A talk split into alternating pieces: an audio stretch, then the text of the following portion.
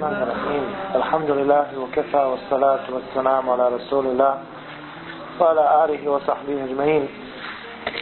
أما بعد فإن أصدق الحديث كتاب الله عز وجل وخير الهدي هدي محمد صلى الله عليه وسلم وشر الأمور محدثاتها وكل محدثة بدع وكل بدعة ضلالة وكل دلالة في النار. أما بعد Draga cijenjena braća, salamu alaikum wa rahmatullahi wa barakatuh.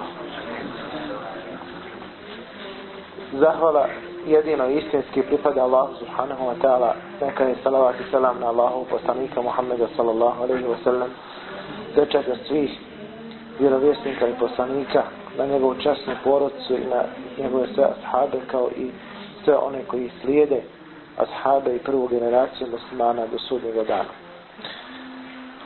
Večeras govorimo nešto više o jednoj osobini koja se mora naći kod svakoga muslimana.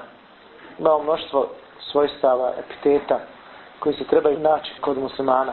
Allah subhanahu wa ta'ala to opisuje na mnoštvo mjesta u svojoj knjizi, počevši od sure Al-Mu'minun, kada kaže kad aflaha al-mu'minun, uspjeli su vjernici, allazina hum fi salatihim haši'un, oni koji su skrušeni u svome namazu i tako dalje. Allah subhanahu wa ta'ala navodi te osobine koje vjernici moraju imati. Međutim, mi ćemo danas, odnosno večeras, nešto više progovoriti o jednoj osobini koja je i kako važna za sve nas, a to je osobina koja se mora naći kod nas ukoliko želimo da imamo iman. Odnosno, ta osobina je pokazatelj našeg imana. Ako imamo tu osobinu, znamo da imamo iman. Ako ne imate osobine, onda imamo veoma malu, ako možemo tako reći, količinu imana u svojim srcima ili imana nema nikako u našim srcima. Radi se naime o osobini stida. Na početku ćemo razgraničiti šta to znači stid. Razgraničiti stid od onoga ispravnog, odnosno pozitivnog stida i negativnog stida. Pozitivni stid je onaj stid, kao što su islamski učenjaci definisali, koji se nađe kod čovjeka, a odnosi se da se čovjek ustručava nekih stvari koje Allah subhanahu wa ta'ala zabranio ili da se ustručava stvari koje Allah subhanahu wa ta'ala pokudio. Negativni stid je kada se stidiš od onoga što je inače uobičajeno. Zato što imaš neke duševne, emocionalne prepreke i ustručavaš se određene stvari koja je inače normalna, stvar koja je uobičajena među ljudima, stvar koja je dozvoljena Allahovom knjigom i sunnetom poslanika sallallahu alaihi wa sallam. Ali ima nešto što je vezano za tvoj postupak, odnosno za tu stvar i ta stvar e, kod tebe izaziva nekada možda izgražanje, nekad izaziva ustručavanje i tako dalje. U arapskom se jeziku ispravno kaže el haja, stid, znači taj pozitivni stid koji se nađe kod vjernika. A negativni stid se zove el hađen. Pa kaže se tiflun hađul, dijete koje je sramežljivo. Znači pravimo razliku između stida i srama. Zašto ono dijete se srami nekada? Zato što dovoljno ne poznaje svoju okolinu. Zato što nekada, na primjer, nije naviklo da bude u komunikaciji sa drugim ljudima, sa nepoznatim ljudima i tako dalje. Odakle to proističe? Proističe iz nedovoljnog poznavanja okoline. A to nije nešto što je Allah subhanahu wa ta'ala zabranio ili pokudio. Znači to je sramežljivost, odnosno negativni stid. Allah subhanahu wa ta'ala je odgojio svoga poslanika sallallahu alaihi wa sallam na najbolji način i rekao wa innaka la ala khuluqin azim. O Muhammede suri kalam o Muhammede ti si najboljeg ponašanja. Ti imaš najbolji moral od svih ljudi. Stoga je poslanik sallallahu alaihi wa sallam kao što se prenosi bio stidan. Imao stidljivost u onim trenucima kada je trebao da ima kod sebe stidljivost kaže se u nekim predajama da je poslanik sallallahu alaihi wa sallam bio stidljiviji nego ko zna? Nego, znači, djevojka u svojoj odani. A mi znamo za djevojke posebno one koje su pred udaju, da one veoma malo izlaze iz svojih kuća, da su one u svojim odajama. I poslanik sallallahu alaihi wa sallam u određenim trenucima, u određenim okolnostima se stidio više nego što bi to bila djevica, odnosno djevojka u svojoj odaji. Allahu poslanik sallallahu alaihi wa sallam je govorio Innal haja la jeti illa bi hajr. Stid donosi samo dobro. Ne može donijeti zlo. Govorio je također, neće se naći stid u jednoj stvari, a da ta stvar neće biti okičena. A neće nedostajati stid u određenoj stvari, a da ta stvar neće biti upropaštena, odnosno pokvarena. Isto tako, Allahu poslanik sallallahu alejhi ve sellem je naglasio važnost stida kada je spomenuo ogranke ili dijelove imana. Pa kaže Allahu poslanik sallallahu alejhi ve sellem el imanu bid'un wa sab'un shu'bah. Iman se sastoji od 70 i nekoliko ogranaka. Ili u drugoj verziji stoji 60 i nekoliko ogranaka, zato što se prenosilac hadisa ne sjeća da li je rekao 60 ili 70. Fa afdaluha qawlu la ilaha illa Allah. A najbolji ogranak od svih jeste izgovaranje riječi la ilaha illa Allah. Riječi nema drugoga Boga osim Allaha. Mi znamo i slušali ste kolika je važnost ovih riječi. Šta one znače u životu svakoga muslimana. Da su te riječi osnova našega vjerovanja. Da od tih riječi kreće naš iman. A najniži oblik ili najniži ogranak vjerovanja jeste, kaže poslanik sallallahu alejhi ve sellem, imatatul eza anit tariq. Da ukloniš ono što bi moglo smetati prolaznicima na putu. I onda poslanik sallallahu alejhi ve sellem između tih ostalih ogranaka, znači imamo najviši izgovaranje riječi la ilaha illallah, imamo najniži to je ukloniti nešto sa puta, izvaja jedan koji je također važan ogranak, pa kaže wal haya'u min al iman. I stid je dio imana. Isto tako, draga braćo, Allahu poslanik sallallahu alejhi ve sellem je nastojao svoje ashabe da postakne stid. Ali na koji način? Tako što je napominjao da se trebamo stidjeti. Ali stid se ne može steći tako što ćemo ga naučiti, tako što ćemo uzeti knjigu pa čitati. Ne nego stid se stječe sa imanom, odnosno sa vjerovanjem. Allahu poslanik sallallahu alejhi ve sellem prolazi pored dvojice ljudi, dva brata muslimana, jedan drugog savjetuje. Savjetuje ga da bude stidljiv. Pa kaže poslanik sallallahu alejhi ve sellem da'hu, ostavi ga, fa innal haya'a min al iman. Stid je dio imana. Ostavi ga, stid je dio imana. Zašto je Allahu poslanik sallallahu alejhi ve sellem rekao ostavi ga? Zašto mu nije rekao, hajde još ga dalje podučava. Napominje mu još šta je to stid. Zašto? Upravo radi ovih riječi koje smo prijateljno rekli, one su Znači, ukoliko čovjek ima imana, kod njega će biti stida. Ukoliko nema imana ili je njegov iman minimalna, također će biti i minimalna ta kvota, odnosno količina stida u čovjekom srcu. Imam Ibn Haim, rahimahullahu ta'ala, učenik Ibn Taymije, neka Allah subhanahu wa ta'ala milost i zadovoljstvo sa njima, je posebno govorio o ovome stidu, posebno govori o stidu u knjizi koja je vama svima poznata, to je bolesti lijek, govori o značaju stida, pa definiše stid, kao što smo prijateljno rekli, da je to ustručavanje od svega onoga što je Allah subhanahu wa ta'ala zabranio, što je Allah subhanahu wa ta'ala pokudio u ovoj vjeri. Kaže Allahu poslanik sallallahu alejhi ve sellem kako prenosi imam Tirmizi za ovaj hadis se kaže da je Hasan istahju min Allahi haqq al-haya. Stidite se Allaha onako istinski kako ga se treba stidjeti. Pa su rekli nahnu nestahi min Allahi ja Rasulullah. Allahu poslaniće mi se stidimo Allaha. Pa kaže poslanik sallallahu alejhi ve sellem lejse zalikum. Nije to to što vi mislite.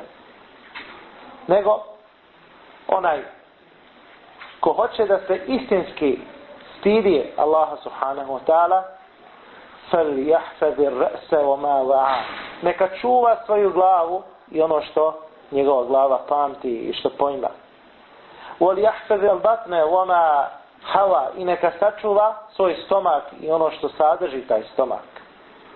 Vol jezkuril meute vol bela i neka se prisjeti smrti i one zemlje, odnosno kabura. Ovan radil ahirata terake zinete et dunja. A čovjek, kaže poslanik sallallahu alaihi wa sallam, koji želi budući svijet, sigurno da će ostaviti luksuz na ovom svijetu, ukrase ovoga svijeta. فمن فعل ذلك فقد istahya min Allahi haqqal الحياة Kaže poslanik sallallahu alaihi wa sallam, ko ovo učini, ko ovako bude postupao kao što je naglašeno u ovom hadisu, po ovim prijateljnim riječima, u istinu se istinski stidi Allaha subhanahu wa ta'ala. Poslanik sallallahu alaihi wa sallam ovdje ukazuje na nekoliko aspekata koji su veoma važni da bi postigli taj stid. Prvi aspekt jeste da čuvamo svoje tjelesne organe. Da razmišljamo svojom glavom šta ćemo raditi, da razmišljamo o svojim postupcima. Zatim, da čuvamo svoj stomak, jer mi znamo da stomak može biti izvor velikoga zla, jer onaj koji se najede previše, on će se i previše napiti, to jeste da će previše vode. Ako bude uh, stalno punoga stomaka, mnogo će spavati i tako dalje. Biće lije u pokornosti Allah subhanahu wa ta'ala, to jeste zadocnit će u svojim ibadetima, obredoslovnima, u onome što je Allah subhanahu wa ta'ala propisao kao obavezu. Zatim poslanik sallallahu alaihi wa sallam ovdje pojašnjava još jednu stvar. A to je da ukoliko želimo da budemo stidni, da budemo što skromniji, što plemenitiji na ovome dunjaluku, da uzimamo od ovoga dunjaluka samo onoliko koliko je dovoljno, a da se ne kitimo ovo dunjalučkim ukrasima, je svakako čovjek koliko god žive na ovom svijetu, napustit će ovaj svijet i od tih od dunjalučkih ukrasa ništa neće ponijeti sa sobom. Zato je također u jednoj predaji rečeno Men istahja min Allahi, istahja Allahu minhu. Onaj ko se bude stidio Allaha, Allah će se njega stidjeti. Šta znači Allah subhanahu wa ta'ala će se njega stidjeti? To jeste, kažu učenjaci, to je stid. Kada Allah subhanahu wa ta'ala iz svoje obilne milosti daje čovjeku počast. Kada Allah subhanahu wa ta'ala iz svoga stida posebno darežljivost ukazuje svome robu. Kada Allah subhanahu wa ta'ala daje posebno uzvišeno svome robu u onim mogućnostima i okolnostima svakoga čovjeka. Zato, draga braćo, trebamo da pazimo na taj stid. Kao što smo vidjeli kroz ove tekstove, stid je znači usko vezan za ubudijet, odnosno iskreno ispovjedanje vjere Allah subhanahu wa ta'ala. Stid je usko vezan za strah, za strahopoštovanje prema Allahu subhanahu wa ta'ala. I zato su naši ispravni prethodnici govorili i zato je preneseno od Allahu poslanika sallallahu alaihi ve sellem kako prenosi imam al-Bukhari inna mimma adrake an-nasu min kalami en al-ula. ono kaže što su ljudi još upamtili od prvog poslanstva i vjerovjesništva jesu riječi i da lem testahi fasna mašet kada se ne stidiš čini šta hoćeš. Nije ovo, draga braćo, posticaj ljudima da oni čini šta hoće i da čine nepokornost, da čini razvrat, nego ovo je konstatacija svih poslanika i vjerovjesnika od prvog vremena, od kad je čovjek došao na ovu zemlju. To je konstatacija. Znači, onaj koji kod sebe nema stida, radit će šta hoće. Onaj koji kod sebe nema imana, neće imati stida. Kada nema stida, onda sigurno da će raditi ružna djela, da će raditi zločine, da će raditi nedjela koje nisu u skladu sa Allahom subhanahu wa ta'ala voljom i njegovim šerijatom. Isto tako, stid čovjeka postiče na ihsan, a to je dobročinstvo. Stid je jedna od odlika čovjekovog vjerovanja. Zato je usko vezana također za ono što se navodi u hadisu, poznatom hadisu Džibrila alaihi selam, kada je došao Allahom poslaniku sallallahu alaihi wa sallam i upitao ga o imanu, o islamu, o ihsanu, tom vrhunskom dobročinstvu kao tri stepena vjere. Pa je upitao ga o ihsanu Allahov poslanika sallallahu alaihi wa sallam, pa je poslanik sallallahu alaihi wa sallam rekao šta je to ihsan? Kako je definisan u hadisu Džibrila sallam? Jeste. En ta'bud Allahe ke enneke terah, fa illam tekun terahu, fa innehu jerak. Da obožavaš Allah subhanahu wa ta'ala kao da ga vidiš. Jer ako ti njega ne vidiš, on tebe vidi. Jer ako ti Allah subhanahu wa ta'ala ne vidiš, on tebe vidi.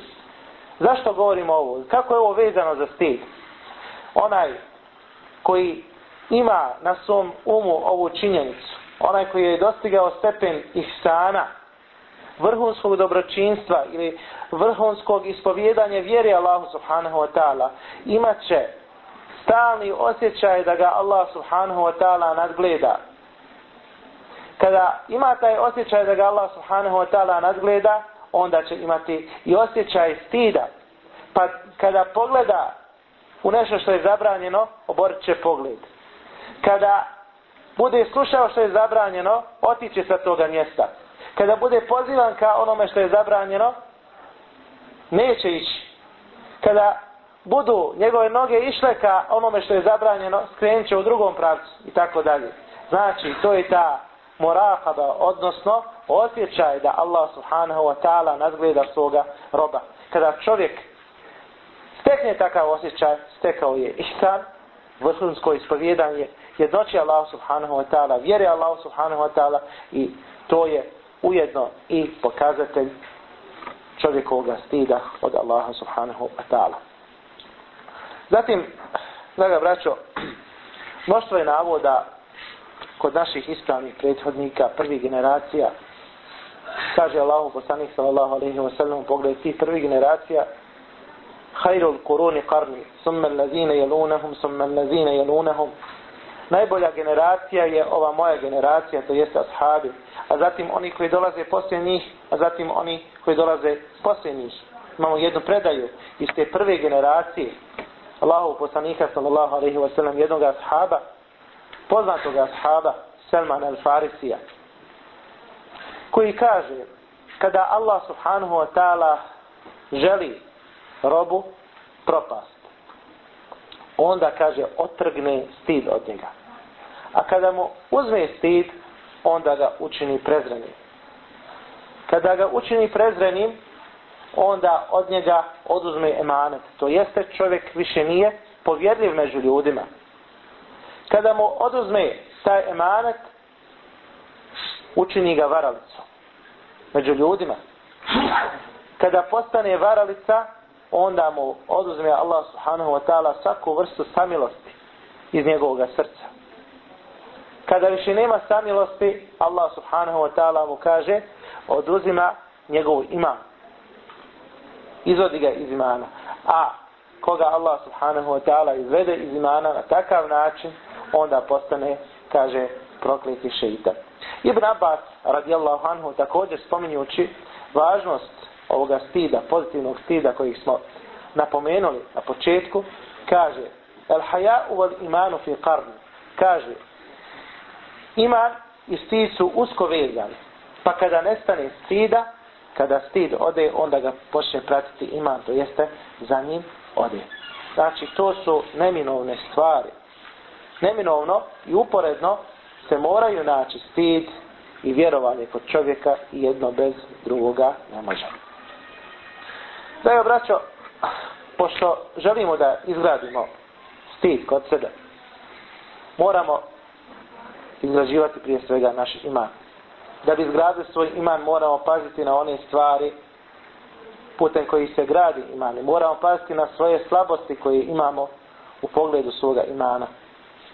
Jer danas ovo što muslimani doživljavaju, ovo danas što imaju, od različitih nedača, od različitih iskušenja, poniženja, sve je to zbog njihove slabosti, slabosti njihovih imana. Musliman mora biti uvjeren u Allahu subhanahu wa ta'ala obećanje.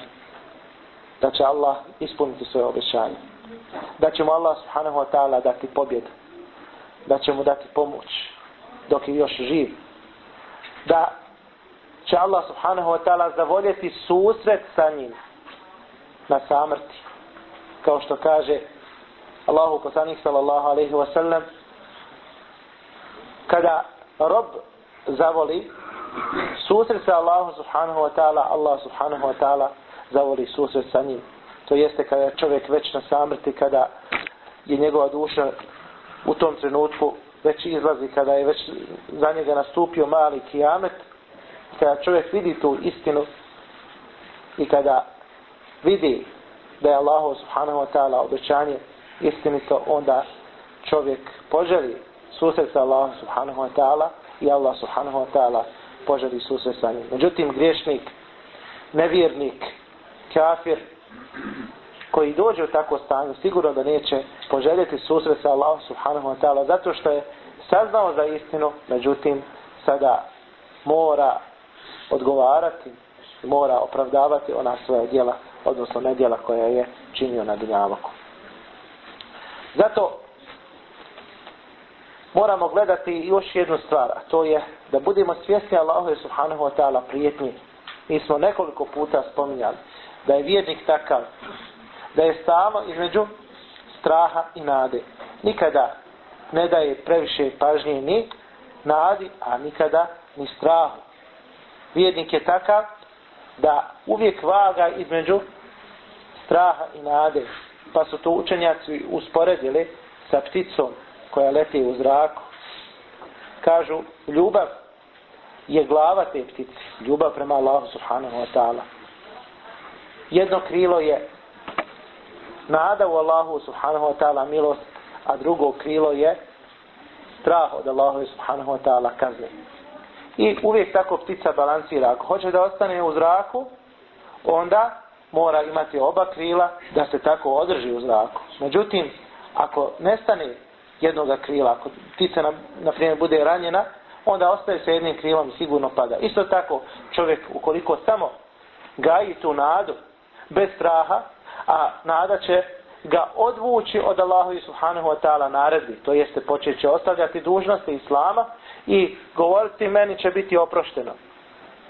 Ako čovjek bude smatrao da će njemu biti oprošteno, a ne radi ništa, onda je to lažna nada onda i ta ptica pada i postaje plin. Isto tako čovjek pada, njegov iman pada i postaje plin šeitana.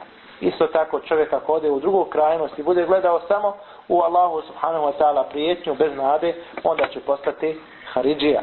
Postaće od onih koji samo gledaju na tekstove o prijetnji, a neće gledati u tekstove o nadi.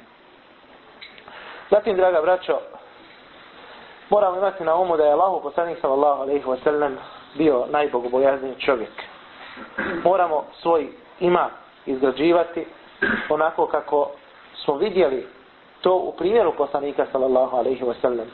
Vi u Allahovom poslaniku alejhi salatu vesselam imate najbolji primjer kaže Allah subhanahu wa ta'ala u prihodu za onoga ko se nada susret sa Allahom subhanahu wa ta'ala, ko se nada dolasku na sudnji dan i koji u istinu Allaha subhanahu wa ta'ala mnogo spominje. Zatim, pogledajmo samo poslanika sallallahu alaihi wa sallam njegovo vjerovanje, njegovo bogobojaznost, njegovo strahopoštovanje. Kaže poslanik sallallahu alaihi wa sallam jednom prilikom inni etkakum lillahi wa ahšakum lah.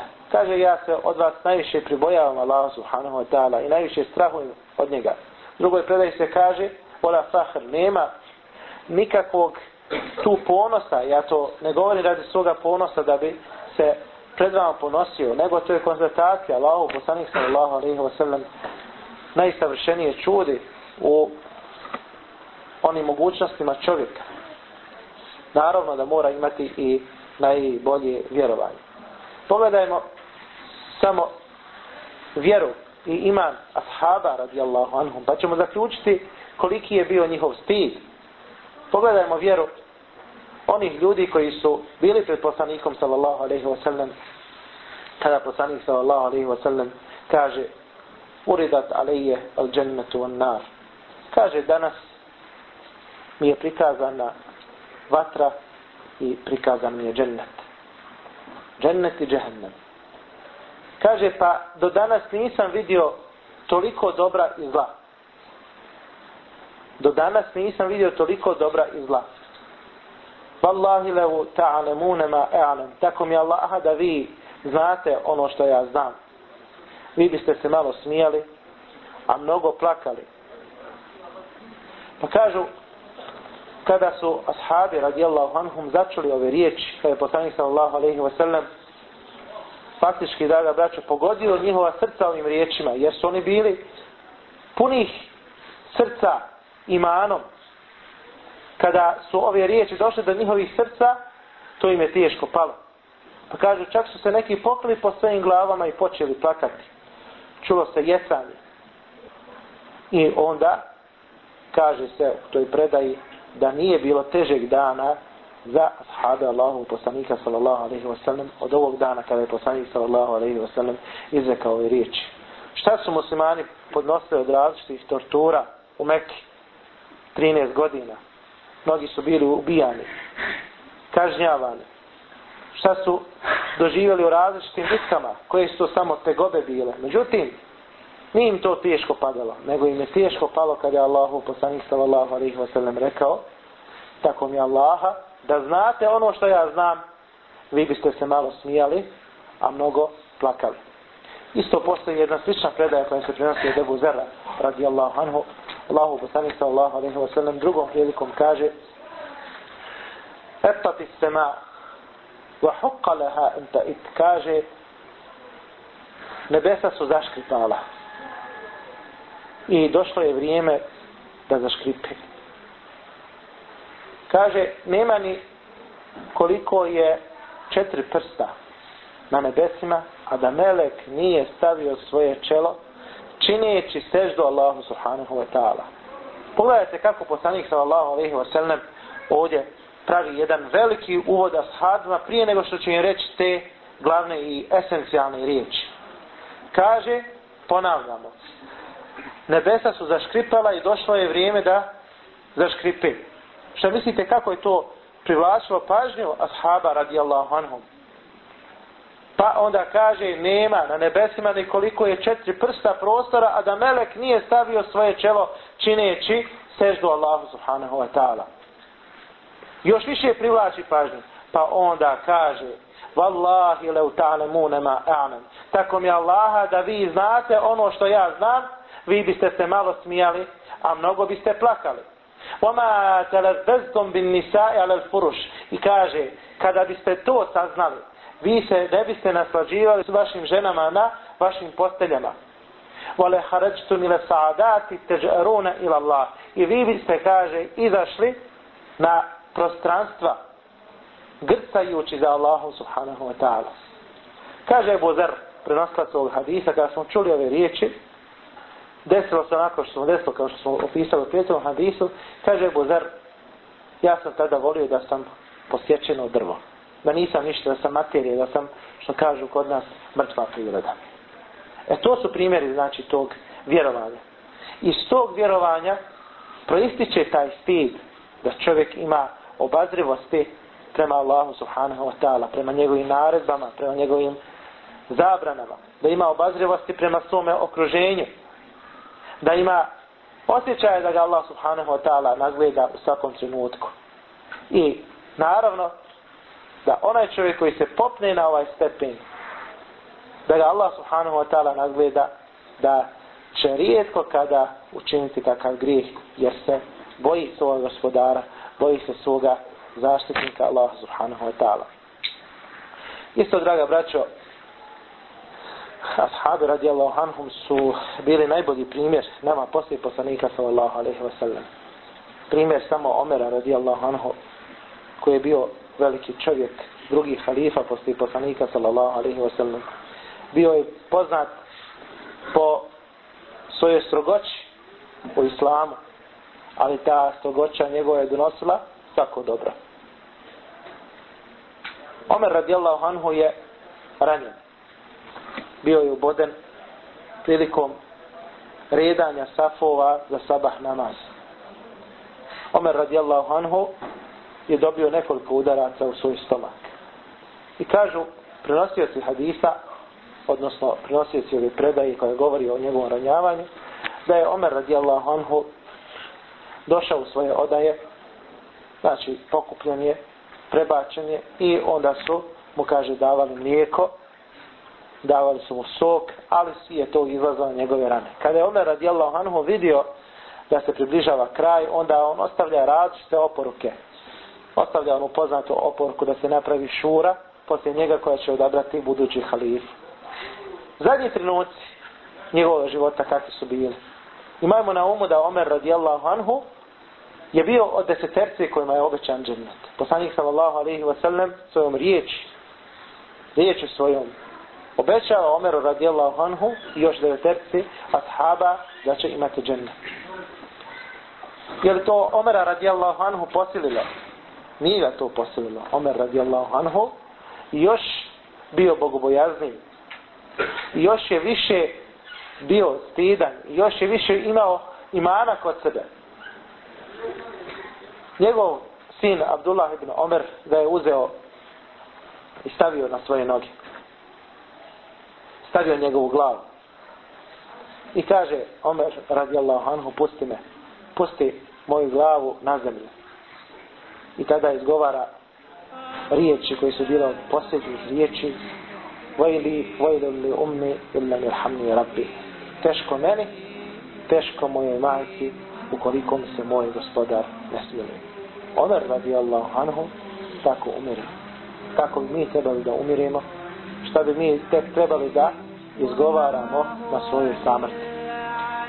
Molim Allah subhanahu wa ta'ala da budemo od onih koji će izgledati ispravan iman kod sebe. Molim Allah subhanahu wa ta'ala da nam podari vjerovanje.